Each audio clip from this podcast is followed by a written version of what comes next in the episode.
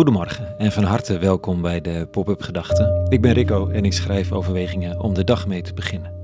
Vandaag met de titel Wat in ons huist. Pop-up Gedachten maandag 22 januari 2024.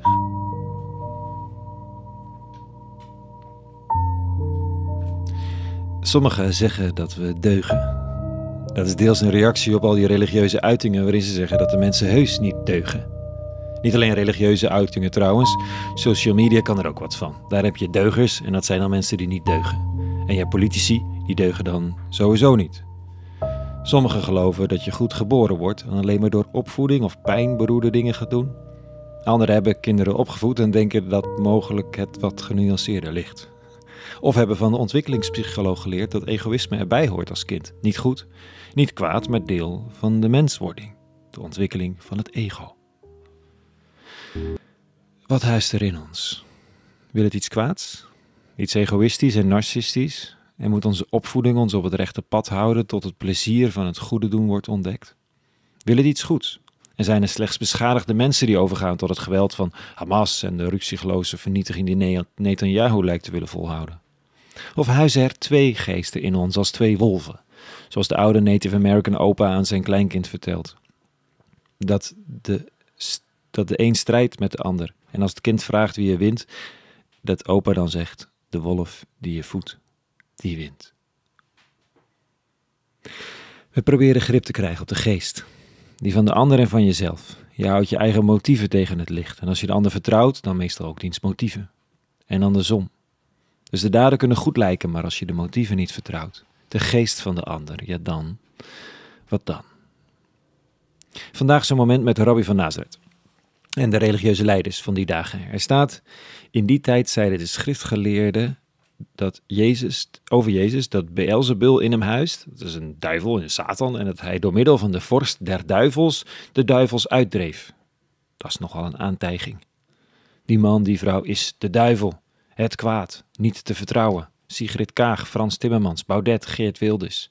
De geest geproefd, beoordeeld en een oproep om diegene uit te spugen, te cancelen wat hij ook doet.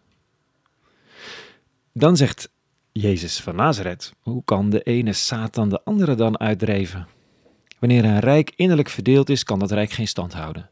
Wanneer een huis innerlijk verdeeld is, zal het huis geen stand kunnen houden. En wanneer de Satan opstaat tegen zichzelf en verdeeld is, kan hij geen stand houden, maar is zijn einde gekomen. De wonderlijke handelingen van Jezus van Nazareth werden verstaan als het uitdrijven van boze geesten. Een praktijk die we niet zo goed kennen, maar zeker toen door voor- en tegenstanders zo werd benoemd. En dan is het een eenvoudige analyse door een nuchtere rabbi die zegt: Het is niet per se handig van het kwaad om zijn eigen trawanten een kopje kleiner te maken. En dan geldt als een snelle stappenconclusie vanochtend: Het goede is te prijzen door wie het ook wordt gedaan, want winst voor het goede. Vandaag leer ik dat motieven, de mijne of die van de ander, niet alles bepalend zijn. Dat je niet alleen het mis kunt hebben met jouw inschatting van de ander, of van jezelf, maar ook dat een hufter die werkt aan vrede toch maar wel werkt aan vrede. Wat er in ons huist? Een mengelmoes van fantastisch goed en duister kwaad. Wat er eerst is, dat is voer voor filosofen en theologen en misschien ontwikkelingspsychologen. Wat belangrijk is, dat is voer voor de rabbi. En dat is dus wat er uit je handen komt. Compassie, altruïsme, zorg, die dingen. En de troost van de rabbi is deze, dat als kwaadaardige mensen het goede gaan doen, dat het laatste uur voor het kwaad heeft geslagen. Hm. Nou maar hopen dat het niet andersom geldt. Tot zover de pop-up gedachten van vandaag. Een hele goede maandag gewenst. En voor en na en tussen alles vrede, vrede en alle goeds.